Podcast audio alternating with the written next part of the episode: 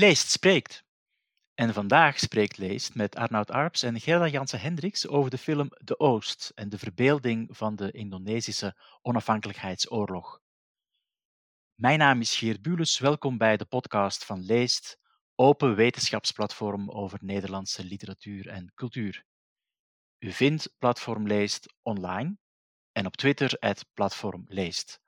Abonneren op deze podcast kan gratis via de bekende podcastkanalen.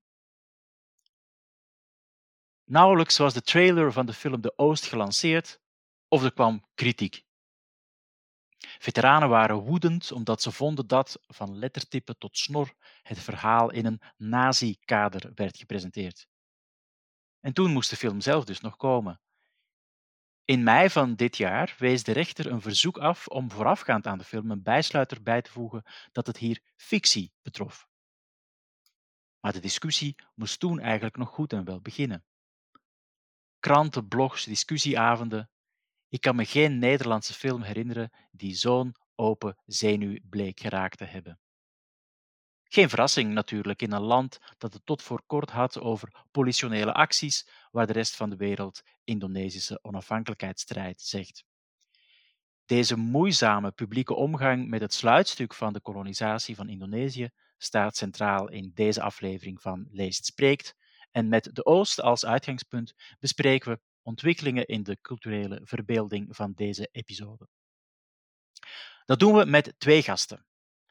Arnoud Arps schrijft aan de Universiteit van Amsterdam een proefschrift over het culturele geheugen aan de Indonesische onafhankelijkheidsoorlog, met focus op de Indonesische populaire cultuur. Hij is ook gastonderzoeker aan het Center for Southeast Asia Studies van de University of California, Berkeley. En voor de filmkrant vergeleek hij de Oost met eerdere Nederlandse films en vooral met Indonesische films over de onafhankelijkheidsoorlog. Gerda Jansen Hendricks is in 2014 ook aan de UvA gepromoveerd op overheidsfilms over Nederlands-Indië tussen 1912 en 1962. Ze werkt als regisseur bij de afdeling geschiedenis van de NTR en voor andere tijden maakte ze onder meer de aflevering Onverwerkte oorlog met en over historici en eentje over de ervaring van tieners revolutie in Indonesië. Ook voor recente prestigereeksen als de Gouden Eeuw en de IJzeren Eeuw maakte zij de afleveringen die zich afspelen in de voormalige Nederlandse kolonie. Welkom Arnoud en Gerda. Dankjewel. Dankjewel. Arnoud, de Oost heeft best een lange en complexe ontstaansgeschiedenis. Zou je even kort kunnen schetsen hoe deze film tot stand is gekomen? Um, voor zover ik weet, ja. Ik moet zeggen, ik ben natuurlijk niet uh, betrokken geweest bij de, bij de productie van de film. Maar, maar wat ik er van weet is dat het een film is waarvan het idee een jaar of tien, denk ik, is ontstaan. Bij de regisseur Jim Taihutu. Um, en dat zij uh, sindsdien eigenlijk uh, zijn begonnen um, met um, fondsen werven en met name ook um, uh, onderzoek doen. Um, er is een onderzoeksteam geweest waar ik ook, uh, uh, die mij hebben benaderd een aantal jaren terug. Um, in verband met mijn eigen onderzoek, om eigenlijk de film in een bepaalde context te plaatsen. en daarbij hebben ze ook rekening proberen te houden met wat er al geschreven en gedaan is in Indonesië. Um, ja, en, en toen is die film, uh, om het heel kort door de bocht te zeggen, dus uh, dit jaar uh, eindelijk, eindelijk mag ik ook wel zeggen, uitgebracht. Um, dus ja, ik, dat, is, dat is zo kort wat ik eigenlijk kan zeggen ja. over de, specifiek de productie. En er is dus ook Indonesisch geld in geïnvesteerd en via Amazon Prime ook Amerikaans, als ik het goed heb. Maar ook Nederlands geld. Hè? En uiteraard Nederlands geld, ja. ja. Ja, nee, ik, ik, moet zeggen, ik weet niet of Gerda daar meer over weet, maar wat, wat wel zo is, is dat ik, ik heb geen idee op dit moment nog van de, de verhoudingen daartussen. Dus ik weet dat er een probleem van is geprobeerd te maken over het feit dat er Indonesisch geld in zit. Um, maar dat is niet zo vreemd, eerlijk gezegd. Um, en dat komt omdat de film in Indonesië is geschoten. Um, en om dat voor elkaar te krijgen is er enige Indonesische betrokkenheid bij nodig. En dat is ook gewoon op een basisniveau. Um, en bijvoorbeeld dat de crew die gebruikt is um, bij het schieten in Indonesië voor een groot gedeelte uit uh, Indonesiërs bestond. Ehm, dus daar zit uh, automatisch dan al bepaalde uh, financiering aan verbonden. Um, en inderdaad, wat interessanter misschien is, is het, is het Nederlandse geld wat uh, erin is gestopt. En waarom is dat interessanter? Um, omdat er eindelijk, of tenminste eindelijk, omdat er geld is geïnvesteerd in een project waar, zoals je net in de introductie al zei, veel over te doen is. Ja, nou, daar Ja. gaan we de rest van het gesprek natuurlijk vooral daarover hebben. Ik vroeg mij nog af, die ehm, late financiële injectie vanuit Amazon Prime, is het denkbaar dat daar nog inhoudelijk of dramaturgische invloed van is uitgegaan? Eh, nee, dat denk ik niet. Want volgens mij is dat echt op een heel laat. Maar ik moet zeggen, ik, ik kan hier niet al te veel eh, over zeggen, omdat ik dat simpelweg niet weet. Maar Hmm. volgens mij is dat niet per se een, een, een, een budget geweest waarmee ze in de, in de productie bijvoorbeeld nog eh, wat mee gedaan konden hebben. En ik heb het. ehm, wat ik ervan heb meegekregen is dat het eigenlijk meer met distributie te maken heeft gehad. Ja, ik, het lijkt me inderdaad tamelijk onlogisch, omdat ze pas in zo'n laat stadium bij betrokken zijn, dat, ehm, eh, dat ze enige inhoudelijke invloed hebben gehad op het geheel. Nou ja, van Amerikaanse producenten is natuurlijk eh, bekend dat ze wel eens willen dat het einde anders gemonteerd wordt of zo. Hè? Ja, maar in dit geval, omdat die film volgens mij al helemaal kant en klaar was, voordat Amazon erbij betrokken werd. Het, het is Ja. inderdaad een distributieprobleem geweest. Ja. Ik, ik, ik weet wel dat de, eh, er een comment, of tenminste commentaar, eh, dat mensen hebben, ja, commentaar dat mensen hebben gezegd over de, de Oost van, ehm, over het eindproduct van het is echt een, een, een typische Amazon film geworden en dat de, het productieteam daar erg mee heeft gelachen, omdat het eigenlijk meer te maken had met hun eh, harde werk en inzet, zeg maar, dat het zo'n gelikte film is geworden dan dat het echt het eh, geld van Amazon is geweest. Ja. Eh, Oké, even terug naar die eh, periode waarin dit project dan tot stand is gekomen. Hè. Je zei een, een jaar of tien geleden. In dat Mhm. decennium is er natuurlijk heel veel gebeurd. Het is het eh, decennium waarin het eh, proefschrift van, van Limpach is verschenen, 2016. eh, gevolgd dan door het NIOD-onderzoek over geweld en oorlog. Ehm, ook nog de excuses van koning Willem-Alexander. Ja. Is de Oost een, een post-Limpach-film? Of is dat eigenlijk geen productieve manier om ernaar te kijken, Gerda? Nee, ik vind het geen post film. Ik denk ook eerder dat, kijk, wat, wat wel een rol speelt, is dat de, de tijdgeest of de sfeer, of hoe je het ook wil noemen, op een gegeven moment bijdraagt aan de mogelijkheden tot financiering van een speelfilm, die altijd veel geld nodig heeft. En, uh, maar ik denk dat zoiets als uh, het, uh, de roman De Tolk van Java daar een grotere rol in heeft gespeeld in uh, het, het, het, het, voor een breder publiek aantrekkelijk maken uh, van zo'n speelfilm De Oost dan het wetenschappelijk onderzoek. Zie je dat eigenlijk in de film ook terug?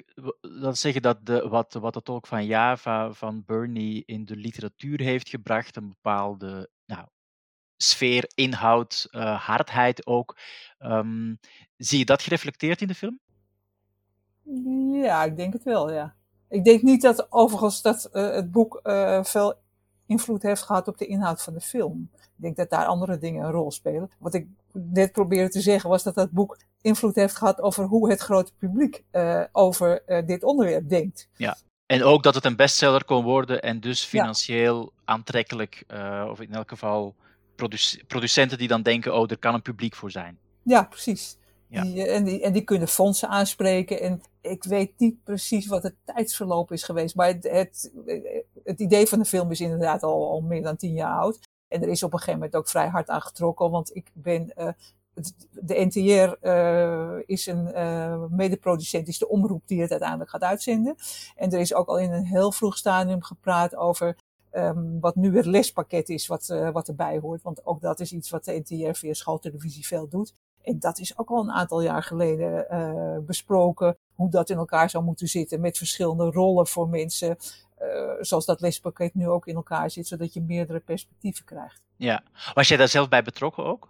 Ja, daar ben ik bij betrokken geweest. Niet ja. op, uh, heel nauw, maar wel, ik heb daar af en toe over meegepraat. Ja, ja.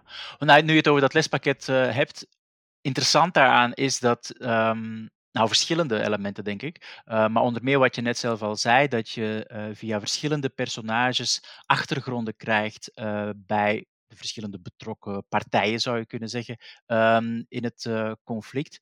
Nu, enkele jaren geleden um, promoveerde ook aan de Universiteit van Amsterdam, Lisanne Snelders, ehm, met, een proefschrift over de ehm, herinnering aan de, aan de Indonesische kolonisatie, waar zij eigenlijk als basispunt poneert van ja, je, je hebt een hele sterke compartimentalisering van die herinnering. Met andere woorden, je hebt allemaal verschillende blokjes naast elkaar en die worden eigenlijk zelden in één groot geheel gebracht.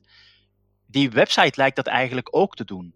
Mm Is het in dat opzicht, ja, zijn we nog altijd niet zo ver om die verschillende perspectieven samen te brengen?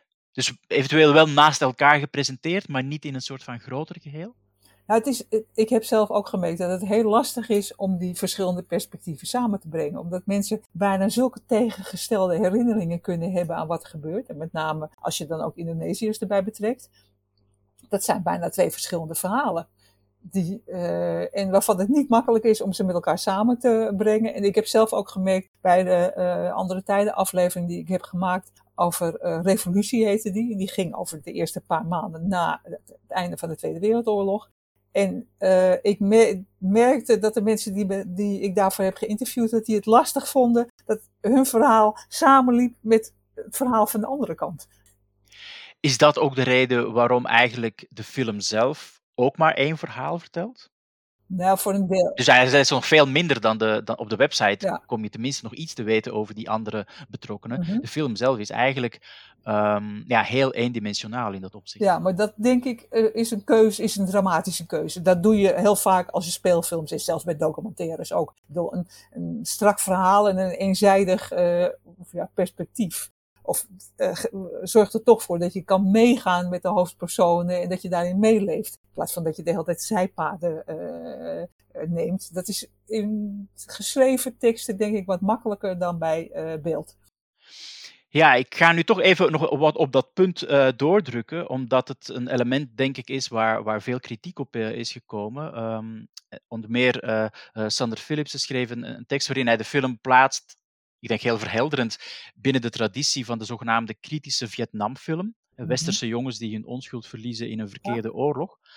Uh, maar hij wees er vooral op um, dat eigenlijk deze Nederlandse film even eenzijdig is qua vertelperspectief als die uh, films zoals uh, Platoon en, en, Casualties of War, die 30, 40 jaar geleden gemaakt zijn. En in die 30, 40 jaar is er natuurlijk heel veel aandacht geweest voor precies uh, ja, wat representatie en perspectief doet met culturele herinneringen. En in dat opzicht um, ja, lijkt dit een, een film ja, bijna uit de jaren 80. Arnoud? Ja, nee, ik, ik, ik heb.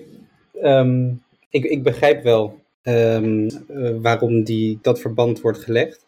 Um, en ik denk dat daar, ik bedoel, daar zit zeker wat in, in, wat je net ook zegt, uh, het perspectief. Het perspectief is een woord dat heel vaak terugkomt ook bij het bespreken van deze film. Maar uh, met de keuze voor de Nederlandse soldaat. Want ik denk dat dat heel duidelijk is gedaan in deze film. Um, en inderdaad ook wat je zegt, dat de wereld van de Oost, dat, dat kostmediale project daaromheen, zeg maar, dat dat iets meer uh, verdieping moet bieden in bijvoorbeeld um, personages. Um, maar wat het, wat het is in Nederland, denk ik, is dat, um, dat Nederland langzame stappen maakt met dit onderwerp. en, en dus zeker misschien ook wel achterloopt. maar dat dit eigenlijk uh, de eerste film is die zich richt op zo'n op, zo specifiek op de Nederlandse soldaat en wat er is gebeurd zeg maar, in, Nederlandse, of in, in Indonesië al. Uh, en tijdens die koloniale oorlog. Dus, en ik, ik begrijp wel waarom die keuze is gemaakt. Enerzijds wat Gerda ook zegt, een dramatische keuze. Ik kan me ook goed voorstellen dat ondanks dat het um, in deze tijdsgeest dus nu meer aandacht wordt gegeven aan bijvoorbeeld slachtoffers, um, dat het ook een, een, een, een keuze is geweest in de productie, in de zin van um, in hoeverre ja, ik weet niet of je het zo breed kan zeggen, maar Nederland of de fonds in Nederland, zeg maar, klaar is uh, voor het financieren van een film, wat bijvoorbeeld veel meer in zou gaan op het perspectief van de Indonesische slachtoffers. Ja. Um, ja. Maar daar krijg je denk ik geen geld voor. Dat denk ik ook niet. Nee. Nee. Oh, dat durf je eigenlijk zo beslist zeggen. Dat, dat, ja, dus eigenlijk, ja. dat, de, dat de motivatie waarom mensen die honderden jaren gekoloniseerd zijn, dat die niet getoond kan worden. Nee, dat is wat anders. Maar dat is toch waar het eigenlijk in de praktijk op neer zou komen. Als je dat dramaturgisch op een andere manier aanpakt, dan ga je een soort van backstory bij die Indonesische personages presenteren, zoals je dat in de film ook voor het Nederlandse hoofdpersonage doet. Wat films heel vaak doen, is toch motiveren waarom mensen bepaalde daden stellen. Ja, natuurlijk. Maar wat ik zei van, ik denk niet dat je er geld voor krijgt. Daarmee bedoel ik dat als je met zo'n, met een heel sterk Indonesisch perspectief aankomt bij omroepen, daar kan ik wat over zeggen. Omdat ik uh, zelf weet dat er, er komen bij ons op de geschiedenisafdeling natuurlijk ook vrij veel voorstellen binnen om, om dingen te maken. Um, dan, weet, dan krijg je daar nul op het request. Dan moet toch altijd, uh, al een, nou, een behoorlijke tijd, een Nederlandse draai aangeven. Nee, maar dat lijkt me vanzelfsprekend. Ik denk niet dat je een film hierover kan maken die geen Nederlandse draai heeft. Maar mijn vraag is mhm. eerder het omgekeerde. Was het niet denkbaar dat je naast die vanzelfsprekende Nederlandse draai ook, uh, en, en dat hoeft, ik bedoel dat niet eens politiek, ik bedoel het eigenlijk louter dramaturgisch, dat je de personages die je hebt, dat je die ja, motiveert, dat je met andere woorden toont waarom ze de dingen doen die ze doen. Nou, je kan me voorstellen dat je een speelfilm kan bedenken waarin er een um, tegenstrever van kapitein Westerling is. Die is, er, eh, die is er nu wel, de tegenstrevers, maar die hebben ongeveer geen tekst. Die mogen kreunen wanneer ze gemarteld worden. Nee, precies. Nee, maar er is ook niet, voor zover ik weet, nu werken mijn hersens heel snel, maar ik geloof niet dat er een Indonesisch tegenhanger is van, uh, van Westerling. Maar binnen de, binnen, gewoon binnen de verhaallogica van de film. Hè? Hè? Als je nu gewoon dat, dat ene personage uh, dat dan gemarteld wordt, daarvan kan je daden tonen, kan je familiale en uh, situationele uh, informatie geven aan de kijker, waardoor die weet van, oh, dit is een persoon die om die en die reden deze en deze daden stelt. Ja, natuurlijk. Maar dan nog is het zo dat als je een speelfilm daarover zou willen maken, dan moet er dus ook wel die Nederlandse kant aan zitten, wil je een Nederlands geld krijgen. Ja, maar dat lijkt me vanzelfsprekend. En, en dus eigenlijk zo vanzelfsprekend dat het naast de kwestie is.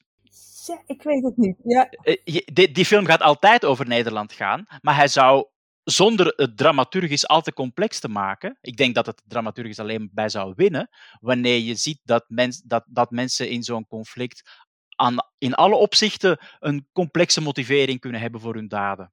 Ja, ik, ik, ik moet hierdoor wel denken. Kijk, ik, ik, ik ben het hier wel mee eens hoor. Ik bedoel, maar deze film is, de, de, de Oostan is een ontzettend um, Nederlands gerichte film. Um, um, zowel in verhaal als in belangen waarmee het omgaat. dus, dus hoe er om wordt gegaan met daderschap. wat daar is gebeurd, dat zijn allemaal dingen die veel meer in Nederland spelen en die veel meer in Nederland een vraag zijn. Um, omdat in Indonesië een ontzettende levendige herinneringscultuur bestaat over de Indonesische onafhankelijkheidsoorlog. Dat is um, totaal niet te vergelijken met Nederland, omdat het hier zo beperkt is en daar zo omvangrijk. En ik moest dus ook denken aan een, aan Indonesische films toen je dat net zei. Um, er zijn, er zijn, een aantal films in Indonesië waarbij inderdaad dan de Nederlandse dader, of trouwens het hoeft niet eens per se een Nederlander te zijn, dus een Europese dader, de kolonisator, wat je wil, Um, waarbij er een, een niet per, ik zou niet zeggen een motivering, maar waarbij er meer achtergrond wordt gegeven. En, en daar zijn er dus wel een aantal te vinden. En daar wordt, zeker in de wat nieuwere uh, Indonesische oorlogsfilm, vaak verwezen naar um, de uh, Tweede Wereldoorlog in Nederland. Mm -hmm. Dus dat er een verband wordt gelegd bijvoorbeeld met de uh, Duitse bezetting. Um, nazi's komen er af en toe in terug. interneringskampen zie je af en toe. Um, en op welke manier wordt die link met de Tweede Wereldoorlog dan precies gelegd?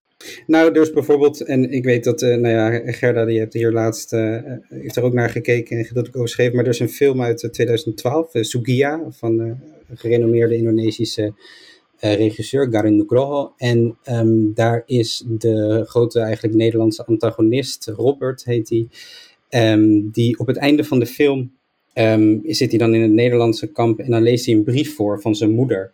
Um, en dat gaat erover dat zijn moeder, die heeft eigenlijk uh, ja, oorlogstrauma's uh, opgelopen door de, door de Duitse bezetting. Ze, ze, ze hoort of ziet uh, vliegtuigen overkomen en dat, dat, dat, daar is ze erg verontrust door.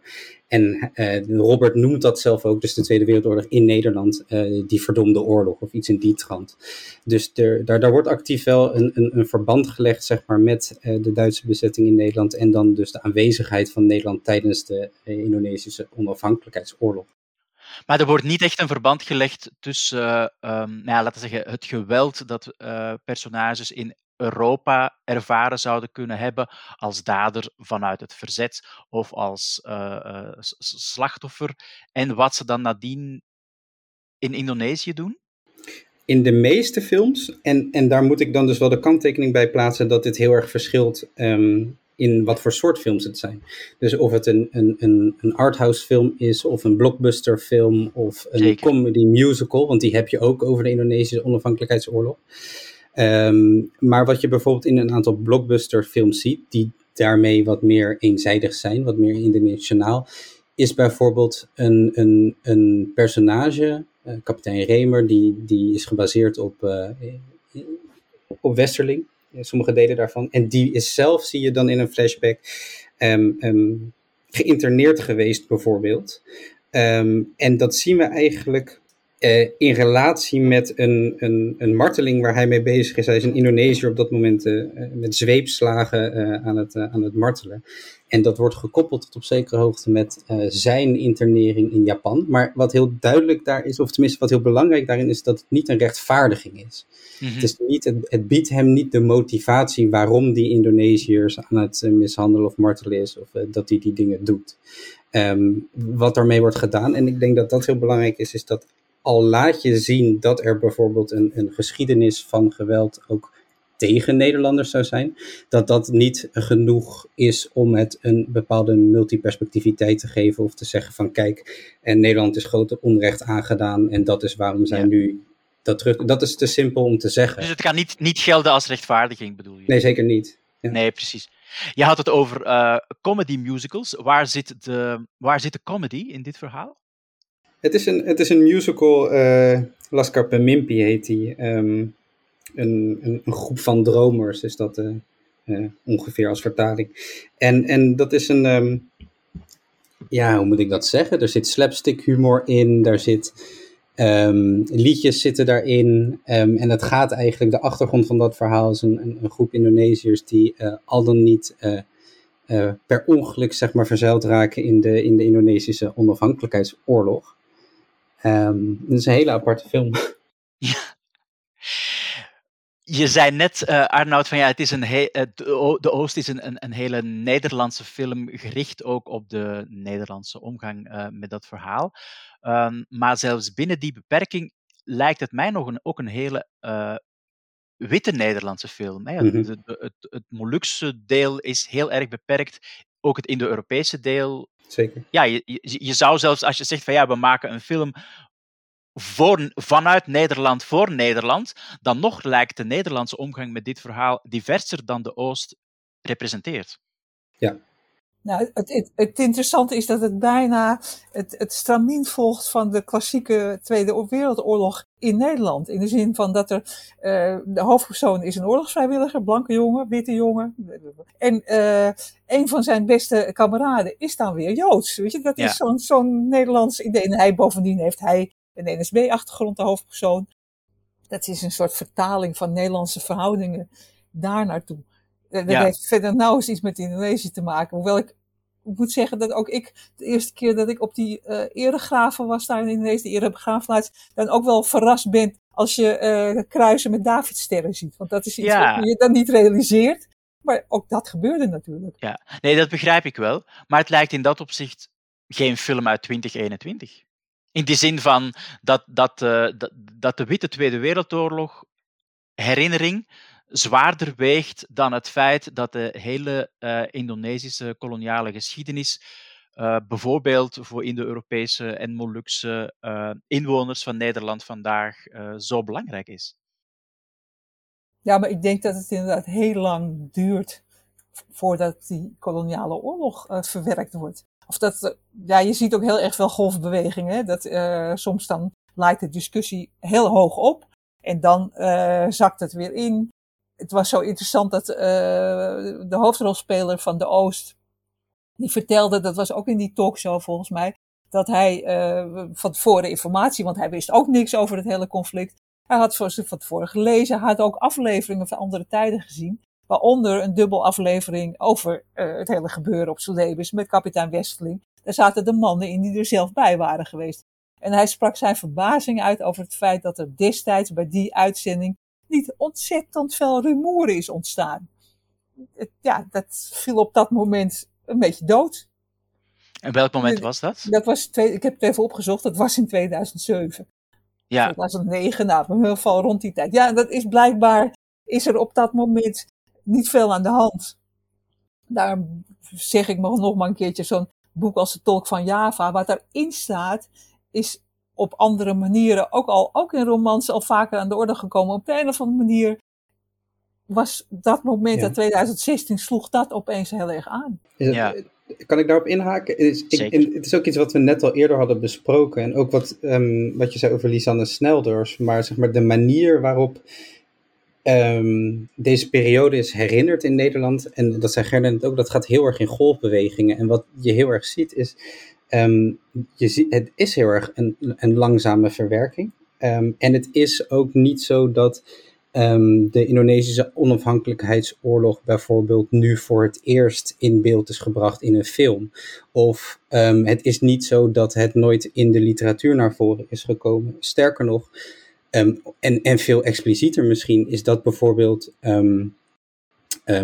de, de, de beelden van het geweld tijdens de oorlog en misschien daarvoor ook wel, of juist daarvoor wel, tijdens gewoon de hele koloniale periode. Dat is iets wat al langer circuleert op televisie, um, op internet. En dat is iets wat, en dat, dit, dit argument maak ik niet, dit maakt Paul Buil in, uh, in zijn boek uh, Emerging Memory. Maar waar het daarom gaat is dat in Nederland um, er een dat er grote moeite, wordt, uh, grote moeite is om, om dit soort herinneringen een, plaats te geven. Om het bijvoorbeeld onderdeel te maken van de nationale geschiedenis. Um, um, zodat het de aandacht krijgt die het verdient. Um, en wat er nu telkens gebeurt is, dan, dan komt er zo'n beeld, dan wordt gesproken over een verborgen geschiedenis, dan is er tijdelijk ophef over en dan verdwijnt het weer naar de achtergrond, totdat er weer een tijdje uh, later wat gebeurt. En ik denk dat wat het cruciale verschil hierin is, tenminste dat, dat hoop ik, is dat um, wat Gerda net ook zegt, is dat de talk van Java als, als, als roman, zeg maar, um, dat dat, um, en dat deze film, zeg maar, dat, dat de circulatie uh, groter is en op een andere manier, zeg maar, daarmee wordt omgegaan, omdat het fictie is, omdat het uh, een grote circulatie heeft. En bedoel je dus ook dat het succes van de tolk van Java en de via Amazon Prime grote tegenwoordigheid van de Oost in onze cultuur er nu voor gaat zorgen ja, dat Nederland klaar zou zijn voor een volgende en dus meer inclusieve stap? Ja, dat, nou ja, dat is zeker mijn hoop. Ik weet niet of dat zo is, maar ik denk dat wat, wat misschien nog wel de belangrijkste bijdrage van deze film is, um, is dat het de, de weg, denk ik, opent voor um, uh, films die, die verder gaan op dit. Dus bijvoorbeeld kritischer kijken naar dat verleden, meer inclusiever zijn, meer perspectieven bieden of over het onderwerp überhaupt gaan. En ik denk wat, wat, waarom deze film het kon, um, ook nu, of ondanks dat het nu is, zeg maar 2021, waarom deze film gemaakt kon worden, is ook omdat een filmmaker als Jim Taihutu um, een gerenommeerde filmmaker is. Um, omdat zijn eerdere films, um, Wolf en Rabat, zeg maar, de, de, uh, ook hebben gefocust op uh, niet-witte Nederlanders. Zeg maar. Ja. En ik, ik ja. denk dat dat heel erg helpt, wel in ook het tot, tot de tot, totstandkoming van deze film. En, en hopelijk dus zeker dat er nu meer films, uh, ik hoop met name films, maar volgen. Ja, ja. denk het ook. Ja. Arnoud, je had het net over uh, vorige periodes van beeldvorming. Um, ik, de, de jaren negentig uh, lijken daarin, denk ik, uh, belangrijk. Hè? In de, de filmkrant verwijs je ook naar films uit die periode. Um, in diezelfde jaren uh, rond de eeuwwisseling heb je dan die Rampokant-strips van uh, Peter van Dongen. Nou, er is al op gewezen dat er een opmerkelijke visuele overeenkomst is tussen die strips en bepaalde uh, scènes in de Oost.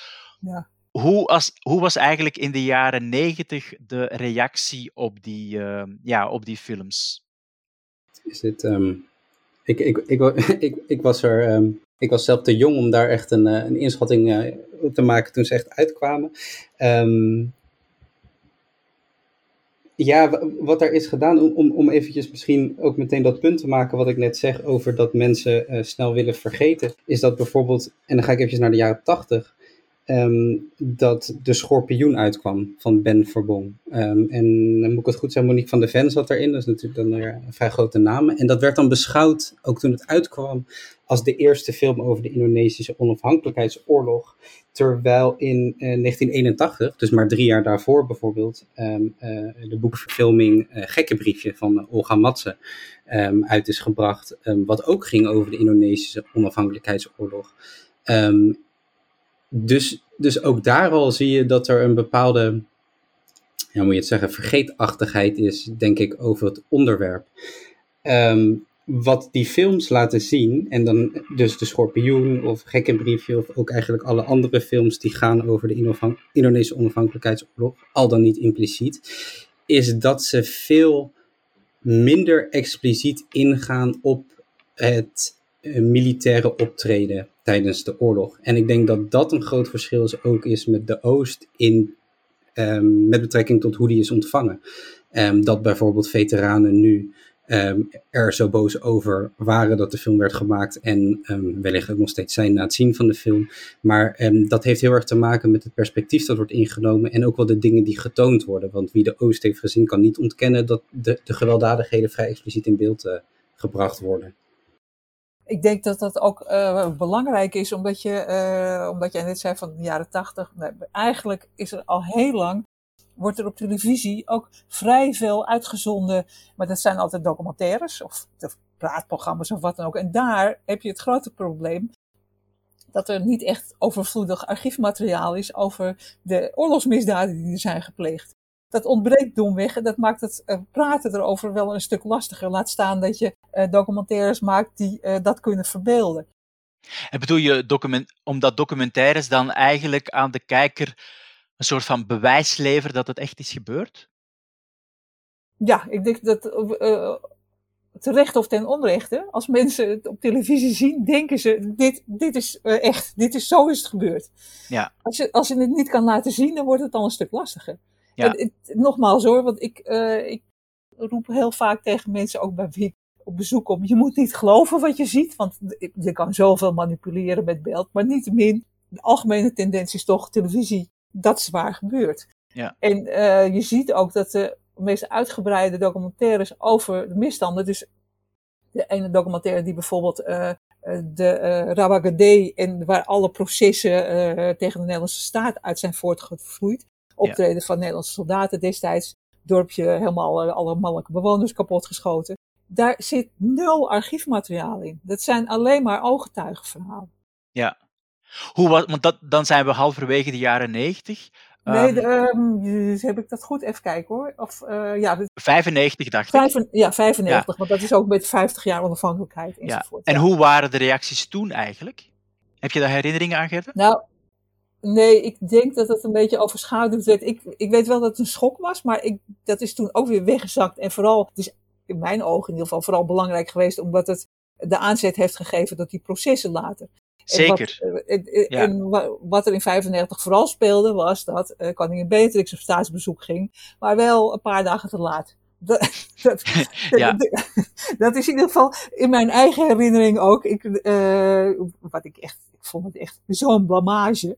Dat is een persoonlijke mening, maar niet min. Uh, ja, en ik begreep, nou nee, de argumentatie, dat, dat is steeds het probleem geweest. De argumentatie dat je daarmee veteranen schoffeert, omdat je dan in feite zegt, als je de koningin aanwezig laat zijn op 17 augustus, dan zeg je eigenlijk, we hebben al die jongens voor niks daar naartoe gestuurd. Ja, ja, want het ja. gaat er eigenlijk over vanaf wanneer wordt het land officieel als onafhankelijk erkend. Ja, hè? ja. ja, maar dat is natuurlijk het probleem, omdat de, de, eigenlijk had de Nederlandse regering vanaf het begin af aan uh, uh, moeten zeggen dat ze het niet goed hebben gedaan. En dat hebben ze gewoon altijd geweigerd. Ja, zeker. Maar ja, het Nederland heeft ook heel lang de Belgische onafhankelijkheid negen jaar later gesitueerd dan de Belgen dat zelf doen. Dus in dat opzicht zou je kunnen zeggen, heeft het land een, een geschiedenis. Ja. Als we het even hebben over die archiefbeelden, mm -hmm. daar ben jij uh, op gepromoveerd, uh, Gerda. Wat ja. bestaat er eigenlijk uit die tijd? Nou, wat er bestaat zijn vooral, uh, zeg maar, de bioscoopjournaals, of de, de, ja, die, die werden uitgezonden, wat langere documentaires, maar die zijn allemaal nee, laat ik zo zeggen, de overheid had in de periode 45-50 een monopolie op films. los even van wat er in de Republiek is gefilmd. Dat laat ik even buiten beschouwing. Maar alles wat er aan berichtgeving was over die periode, over het optreden van het Nederlandse leger, werd allemaal gemaakt door het gouvernements filmbedrijf.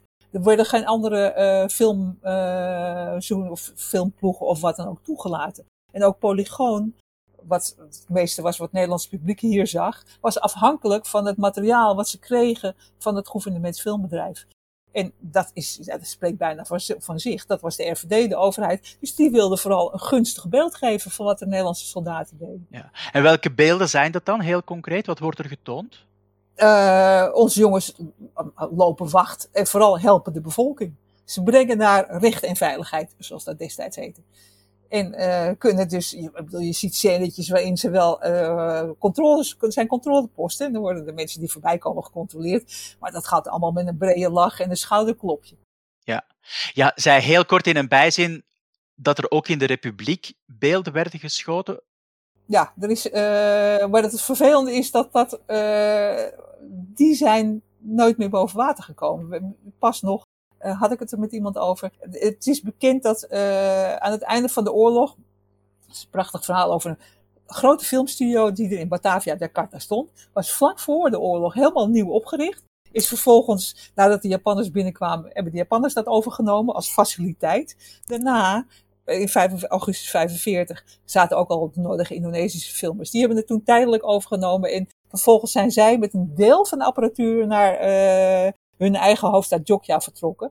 En zijn daar mondjesmaat waarschijnlijk, want filmmateriaal was duur, ook blijven filmen. Maar het verhaal gaat, er zijn twee verhalen. A, is al dat materiaal onder het eh, Indonesische leger komen te vallen en daarna nooit meer bekend geworden. Of B, het is uh, in eind 48 door de Nederlanders in beslag genomen en ook nooit meer boven water gekomen.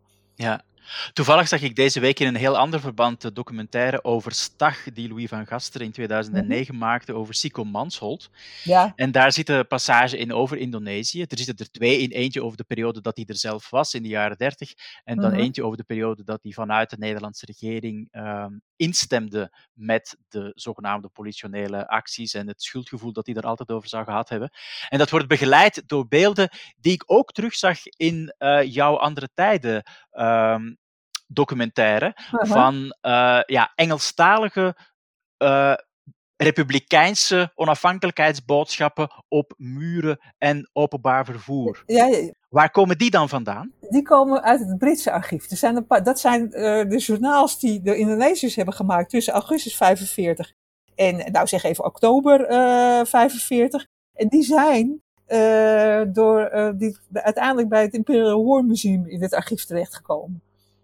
En dus zo zijn er wel wat meer, ook hier in Nederland trouwens, maar dan zonder geluid. Wel wat meer beelden die in die filmstudio's, filmrollen die in die filmstudio's zijn blijven liggen daar in Jakarta. En die dus uiteindelijk hier in, als een soort oorlogsbuit hier in het archief zijn gekomen. Ja, wat, wat mij verraste was eigenlijk de Engelstaligheid daarvan. Nu is het vanuit een Brits archief natuurlijk heel logisch dat ze dingen filmen die in het Engels zijn. Maar was die uh, propaganda bijvoorbeeld ook via uh, muurschilderingen uh, zo structureel in het Engels? Ja, want die was heel erg gericht op. Uh, de Indonesiërs waren daar gewoon heel goed in. Die waren gericht op de internationale gemeenschap. Ja. Omdat ze wel wisten dat ze daar veel meer te winnen hadden dan bij de Nederlanders zelf.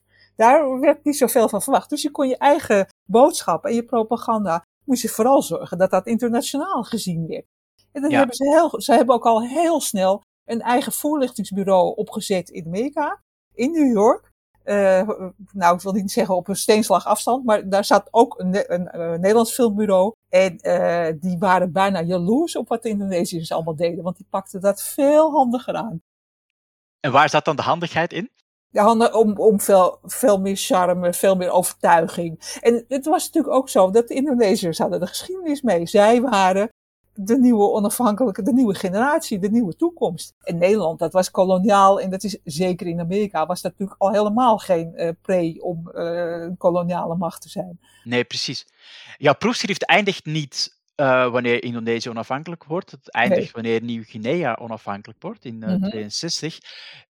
Is eigenlijk in dat latere beeldmateriaal te zien dat de geschiedenis een andere wending aan het nemen is. Met andere woorden, is daar enig besef in de Nederlandse. Nou, nauwelijks. Nou, weet je, het, wat, wat er Wat er niet verandert, is uh, dat, dat, ja, dat koloniale paternalisme, zal ik maar zeggen. Het zorgen voor, uh, wij gaan de Papua's uh, opvoeden naar de moderne wereld. Dat zit er zo duidelijk in, in de films die daar toen nog zijn gemaakt. En het, het zit ook, dat, dat loopt ook door, want ik heb alweer lang daarvoor een portret gemaakt twee mannen die uh, in 48 in Utrecht uh, koloniale bestuursambtenaren uh, zo'n studie zijn gaan volgen. Die waren dus afgestudeerd op het moment dat er geen kolonie, althans geen Indonesië meer was. Die zijn naar Nieuw-Guinea gegaan, want dat was daar nog over. En die zijn vervolgens, want dat waren hartstikke jonge jongens, vanuit Nieuw-Guinea, toen dat in 62 werd overgegeven, zijn die rechtstreeks naar het ministerie van Ontwikkelingssamenwerking, wat toen net bestond, gegaan. Dat is echt een hele club. Dat ja. heette bij ontwikkelingssamenwerking ook de Nieuw-Guinea-maffia. En die gingen gewoon door. Maar dat is een algemeen syndroom. Hè? Dat, dat heb je ook bij landbouwdeskundigen. Die zijn mhm. dan eigenlijk ja, van een koloniaal bestuur rechtstreeks in een soort van ontwikkelingssamenwerkingsklimaat terecht. Ja, maar, maar ik bedoel, de goede niet te nagesproken hoor. En, uh, het, maar de, de, soms zit er wel een heel erge houding in van wij zullen vertellen hoe het moet en dat is het beste. En jullie weten nog niks. Ja, hoe verklaar jij eigenlijk die uh, vraag aan jullie beiden? En het is natuurlijk een, een, onbeantwoordbare vraag, maar het is denk ik wel de grote vraag die achter heel deze aflevering hangt. Hoe verklaren jullie eigenlijk die hele langzame, contrekeur Nederlandse omgang met die hele geschiedenis? Hmm ja, het is nooit leuk om je fouten toe te geven. Laten we daar maar mee beginnen. Maar ik, ik, denk dat wat daar belangrijk ook bij is, um, is, is de politieke consequentie. Ik denk dat, dat mhm. je fouten toegeven, dat is natuurlijk nooit leuk. Maar er zitten ook um, belangrijke consequenties aan vast. Um, voor, volgens mij zei jij dat Geert, of Gerda, ik weet het even niet, maar, maar dat, dat je inderdaad moet erkennen van dat, nou ja, dat het een fout was, dat wat die veteranen daar hebben gedaan uh, niet had gehoeven.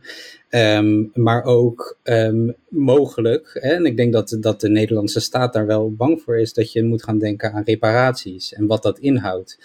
Um, dus ik denk dat dat allemaal meespeelt. Ik denk ook dat dat heel erg meespeelt in waarom bijvoorbeeld het grote NIOT, uh, um, KITLV, NIMH onderzoek bijvoorbeeld pas ook rond 2016 is gestart en waarom um, deze film bijvoorbeeld pas in 2021 uit is gekomen. En je kan zeker, je moet misschien wel kritiek hebben op deze film. Um, maar ik denk dat het een, een, een goede ontwikkeling is uh, dat de film er is. Um, en dat het belangrijker is of dit wel of niet het begin gaat zijn van een reflectie op die periode in, in de cultuur, zeg maar. Of, of, of literatuur en films dus volgen daarin. Wat is eigenlijk jouw kritiek op de film, Arnoud? Um, nou, ik, ik ben het wel, wat het vooral is, is. Ik, ik moet eerlijk toegeven, ik heb hem nog niet zo uitvoerig geanalyseerd als dat ik zou willen. Um, maar het is dus inderdaad wel een, een film die zich heel erg richt op, op Nederland en op um, uh, de witte Nederlandse soldaat. Dat is een keuze die ze hebben gemaakt. En daar dat heeft bepaalde gevolgen. Um, dat heeft bepaalde gevolgen met hoe je nu dan kijkt naar die periode, waar je op let. Um, en inderdaad dat het dus dan veel meer gaat over um, een daderschap en dat bijvoorbeeld slachtofferschap hier helemaal niet aan de orde is gekomen. Um, wat veel meer denk ik naar voren had kunnen komen. Of nou ja, misschien ook niet in een film als deze. Ik bedoel, het is al geen korte film. Maar goed, eh, dat, dat gaat er vooral om, om de dingen die wel in beeld zijn gebracht en de dingen die niet in, beeld zijn gebracht wat ik bijvoorbeeld ook, om het laatste te zeggen, wat, wat heel interessant zou zijn geweest, is dat um, je neemt. Het is een bepaalde keuze natuurlijk om, om Johan, het hoofdpersonage, op het einde um, in conflict te laten gaan met de dingen die hij heeft gedaan tijdens die oorlog. Terwijl er ook heel veel mensen zijn die, um, die er geen spijt van hebben.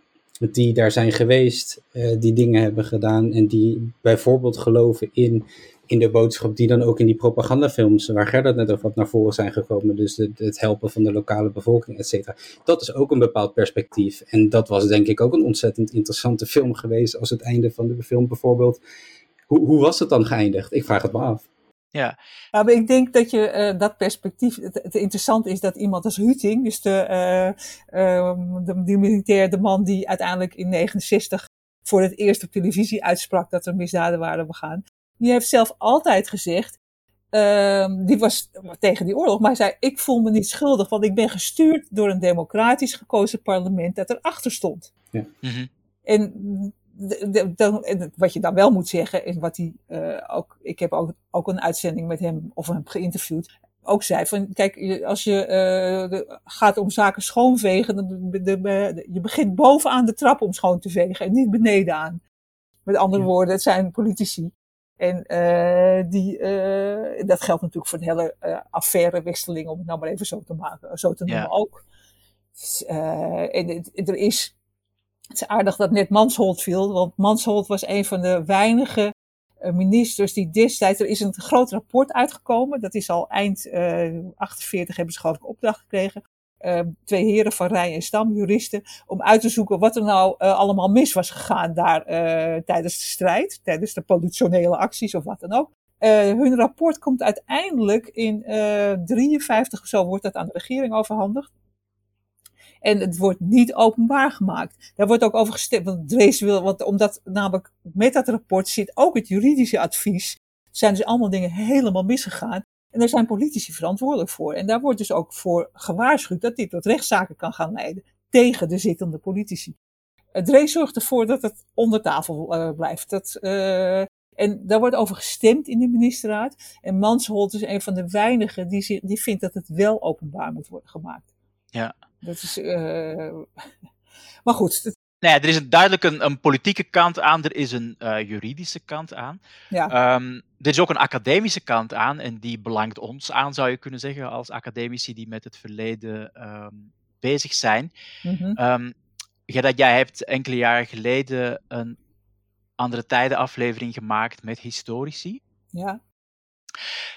Voelde jij daar in die gesprekken enige schroom of terughoudendheid over sommige onderdelen? Of had jij het gevoel dat er daar nu wel tamelijk taboeloos wordt gewerkt?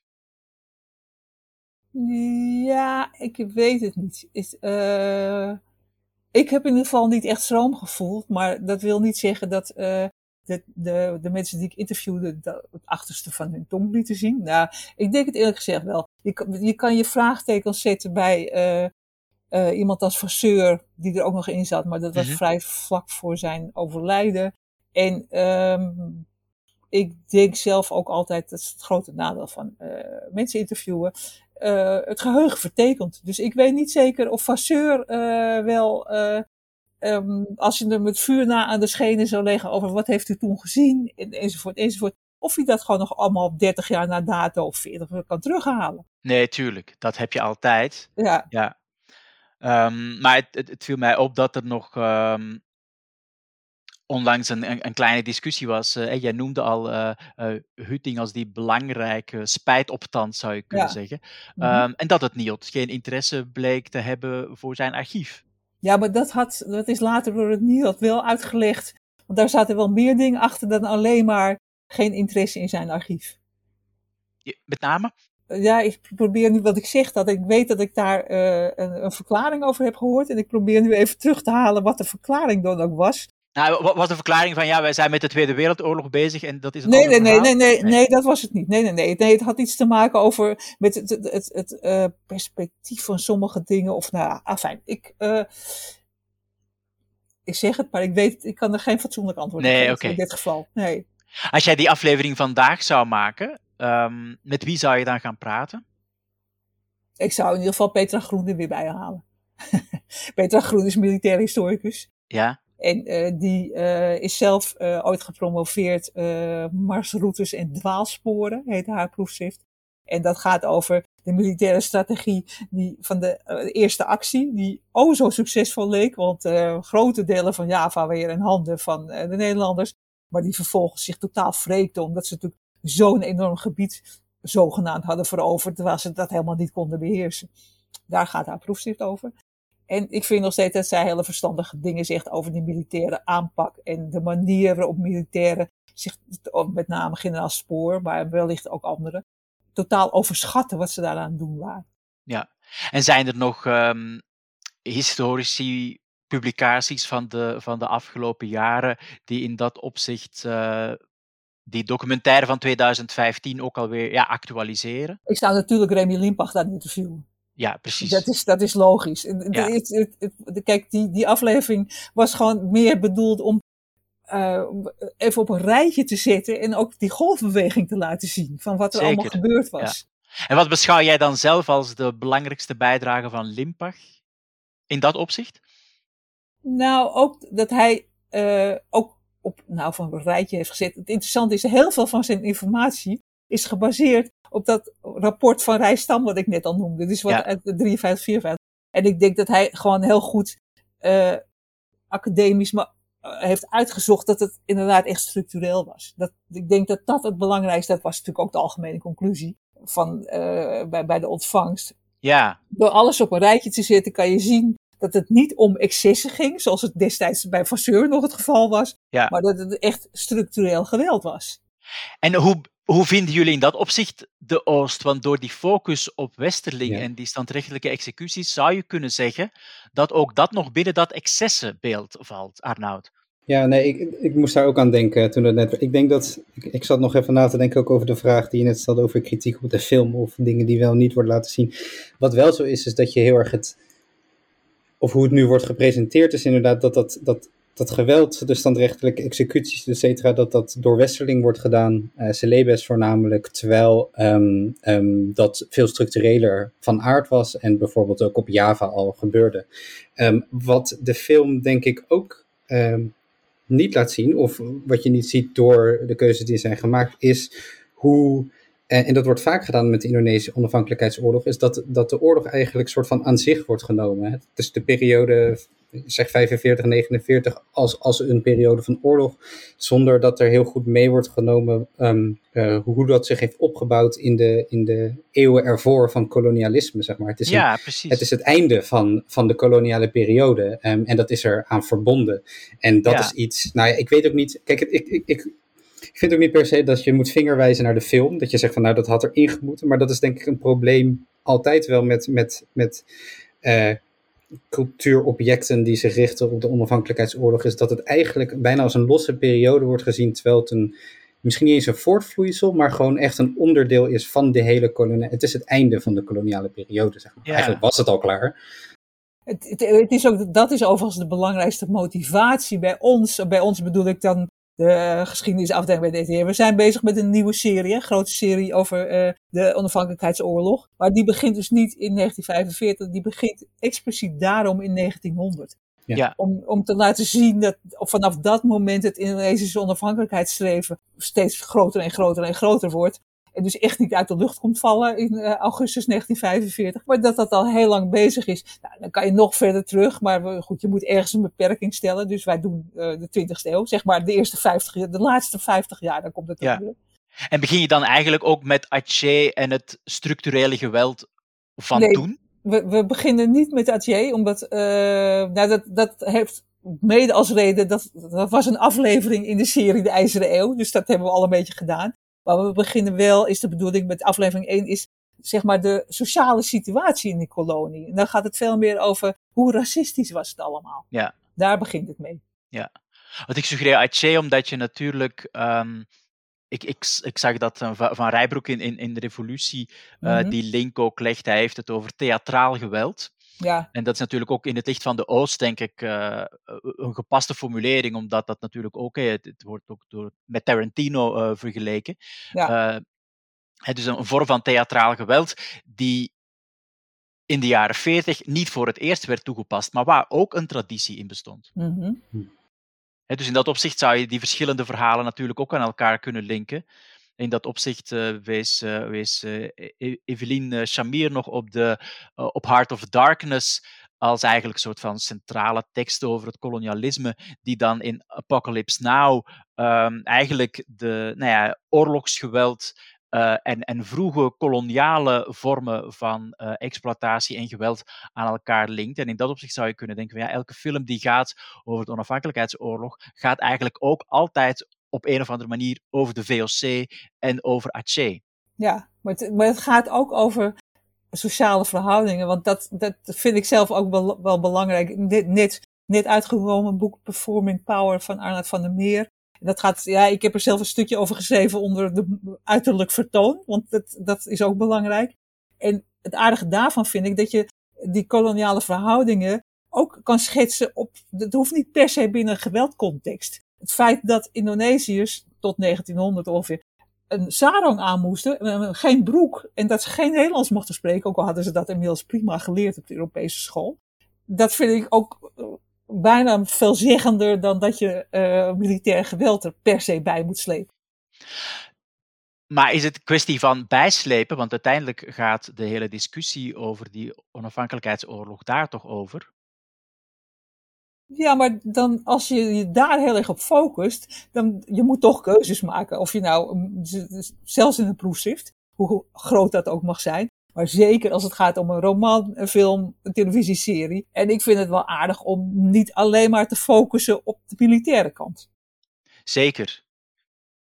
Zeker, maar die, uh, het is natuurlijk ook de, de militaire kant, zou je kunnen zeggen, is een soort van uitvergroting van de, uh, van de sociale onevenwichten. Mm -hmm. nou, ook in de serie komt het militaire geweld natuurlijk wel aan bod. Ja. Maar ik noemde die andere voorbeelden om te laten zien dat je ook op een wat andere manier het uh, kan vertellen hoe um, idioot eigenlijk de hele koloniale verhouding is. Ja. Arnoud, in jouw proefschrift kijk jij in zijn algemeenheid vooral naar, naar Indonesië. Um, durf je al iets te zeggen over wat de kernboodschap van jouw onderzoek is? Um, nee, dat vind ik nog wel lastig. Um, maar ik, laat ik iets meer toelichten, denk ik, want dat is ook wel interessant. Is dat ik richt me inderdaad op de, op de onafhankelijkheidsperiode, zeg maar. Uitingen in de cultuur daarvan. En ik richt mij heel breed populaire cultuur in Indonesië. Dus aan enerzijds films, die een hele lange geschiedenis hebben trouwens in Indonesië.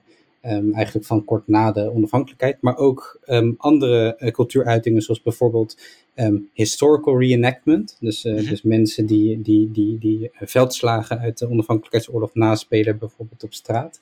En ook uh, populaire muziek, dus hoe bijvoorbeeld nationalistische liedjes, hoe die eigenlijk weer in een nieuw jasje worden gestoken. En wat ik daarin doe wel, is dat ik, ik probeer eigenlijk meer in kaart te brengen een soort van een, uh, de bredere herinneringscultuur in Indonesië over die periode. Omdat het zo'n. En, en, dat is, ik bedoel, ik heb keuzes moeten maken uiteraard, maar het is zo omvangrijk. Het, het speelt, het is ontzettend belangrijk en op allerlei manieren ingezet. Um, dus de onafhankelijkheidsoorlog in films bijvoorbeeld is uh, heel belangrijk geweest voor de ontwikkeling van de Indonesische film. Een van de eerste films, of de eerste film eigenlijk, was uh, Dara Dandoa, um, Bloed en Gebed. Um, en dat is ook de, de nationale dag van de film bijvoorbeeld. Maar um, ook veel breder. Het is iets wat jaarlijks wordt herdacht. Het is iets wat in musea te zien is, op televisie, uh, literatuur tot op zekere hoogte richt zich erop. Dus dat is eigenlijk zo omvangrijk dat ik voornamelijk als doel heb om het, om het in beeld te brengen en om te kijken naar wat voor soort structuren er zijn. Dus wat wordt um, over de oorlog bijvoorbeeld wel in beeld gebracht en wat niet en wat voor soort belangen. En dat is heel anders ja. dan in Nederland. Ja. Is er in dat opzicht een uh, structureel verschil tussen de Sukarno- en Suharto-periode? Jawel, dat is, als je het dan, dan, dan moet ik me zeker beperken tot veel. Kijk, ik richt me in mijn, in mijn proefschrift op uh, hedendaagse uh, populaire cultuur. Dus zeg het oudste, um, oudste vorm van populaire cultuur waar ik me op richt is 2012. Dus dat is echt vrij recent. Dus, dus ben geen, zeker geen expert op het verschil in uh, en Sukarno. Maar, um, en dat is dan weer waar Gerda veel meer over weet, is dat, dat media veel meer ingezet op een propagandistische manier, zeg maar, in de, in de Suharto-periode. Terwijl eh, in de jaren van Sukarno, en zeker film ook, um, dat er heel erg uh, in is gezet op nationalisme. Um, om, om te vormen van wat is, nou, wat is nou die Indonesische nationale identiteit. En daar, daar werkt de onafhankelijkheidsoorlog heel goed voor, omdat je een, een tegenstander hebt. Je hebt een vijand, zeg maar. Dus je kan je daar tegen afzetten. Um, en dat is ook overigens in de Suharto-periode heel veel gebeurd, in, uh, ook in B-films. Um, maar daar wordt dan bijvoorbeeld met stereotypes goed gewerkt, omdat dat hele duidelijk ideeën geeft over wat, wat goed en slecht is. Um, terwijl er nu ook veel meer aandacht, veel meer, er is meer aandacht ook voor de complexiteit van die onafhankelijkheidsperiode binnen Indonesië. Dus dat is iets wat, wat, wat in Nederland eigenlijk veel minder aan de orde is. Kijk, wij, de vragen die zich richten op de onafhankelijkheidsperiode in Nederland richten zich bijvoorbeeld uh, voor de Indische gemeenschap uh, heel duidelijk en logisch op de Bersia-periode. Um, voor veteranen natuurlijk dan hè, de militaire handelen, en denk voor de politiek ook. Maar in Indonesië gaat het ook bijvoorbeeld over um, geweld um, en verzet tijdens de onafhankelijkheidsoorlog binnen Indonesië. Dus het verschil tussen de communisten, uh, de islam, um, Suharto enerzijds, de Pemuda, um, de rol van het leger. Dat zijn hele andere vragen en onderwerpen die, die belicht worden en die bevraagd worden eigenlijk. Is daar ruimte voor de Molukse ervaring? Nee. Ik zeg dat nu heel stellig, maar dat, niet, niet in de objecten die ik, um, die ik analyseer. Dat, ja. is daar niet, uh, dat, dat komt daarin niet aan de orde. Ja, dus ook daar is eigenlijk aan beide kanten op dit moment nauwelijks aandacht voor. Nee, zeker. Ik bedoel, het is niet, ik, ik zeg zeker niet dat, dat Indonesië een, een, een, zeg maar, um, het is een wijdverspreide herinneringscultuur, maar het is nog zeker niet alomvattend. Um, en dat hangt er ook, wat ik al eerder zei, het hangt er heel vanaf wat voor soort product het is. Dus gaat het om een blockbuster, gaat het om independent film, gaat het over, bij history enactment is bijvoorbeeld zijn persoonlijke belangen heel erg belangrijk. De een doet dat omdat zijn opa in het leger heeft gezeten. De ander doet dat omdat die uniformen heel erg mooi vindt. Dus dat, soms heeft dat wel helemaal niet zo'n. Um, be, zeg maar, de, belangen kunnen veel persoonlijker zijn zeg maar, dan, um, dan, dan bijvoorbeeld de representatie van minderheden. Terwijl dat ook erin zit. Ja. Tot slot een vraag die ik heb uh, geleend bij de podcast Radicaal van Cas Mudde. Hij vraagt altijd aan zijn gasten: wat is eigenlijk het grootste misverstand dat bestaat over nou ja, het onderwerp waar we het vandaag over hebben? Wat jullie betreft? Mm. Wat is het grootste misverstand over de Nederlandse omgang met de Indonesische onafhankelijkheidsstrijd? Ja, ik, ik, ik, denk dat dat was wat ik net al zei voor mijn motivatie om een serie te willen maken die begint in 1900 en niet in 1945. Is inderdaad dat, dat idee dat uh, um, de Indonesiërs, dat, dat ze waren opgejut door de Japanners en zich daardoor tegen de Nederlanders keerden. Ja. En um, daar kwam alle ellende uit voort. En daar zit dus tegelijkertijd in de ontkenning van dat Nederland iets fout heeft gedaan in die koloniale periode. Het, is, nee, het zijn, de Indonesiërs die vonden ons allemaal zo ontzettend aardig voor die oorlog. Dat is heel echt dat tempo Dulu-achtige idee.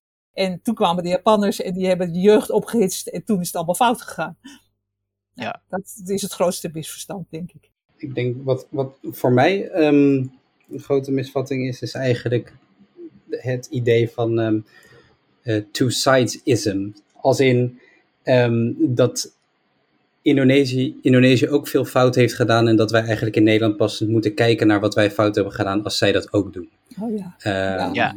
Dat hoor je heel vaak en dat is onjuist. Um, betekent niet natuurlijk dat er, dat er niet door beide landen kritisch naar het verleden gekeken kan worden, maar nu wordt het heel erg als een soort van vereiste gesteld. Ja, dat zit eigenlijk in dat NIOT-onderzoek ook nog, hè, in de discussies daaromheen. Uh, is dat zo? Nou, zo van ja, dat dan die Bessiap toch minstens evenveel aandacht moet krijgen. Oh, zo. Eh, ja, ja, ja, zeker. Ja. Ah. Overigens vind ik bijvoorbeeld het natuurlijk ook een hele belangrijke periode om wel te onderzoeken. Maar er wordt nu dus vaak een, een, een soort van. Uh, een, het, het, moet, ja, hoe moet ik het zeggen? Het een mag niet gedaan worden zonder het ander, terwijl dat niet, uh, niet waar is. Ja. Nou, dank jullie wel. Ja. Dit was de laatste podcast Leest Spreekt van het eerste seizoen. Met dank aan gasten Arnoud Arps en Gerda Jansen-Hendricks en aan Evelien Samir voor de redactie, productie en techniek. Heel graag tot september voor een tweede seizoen gesprekken over actuele kwesties in onderzoek en samenleving.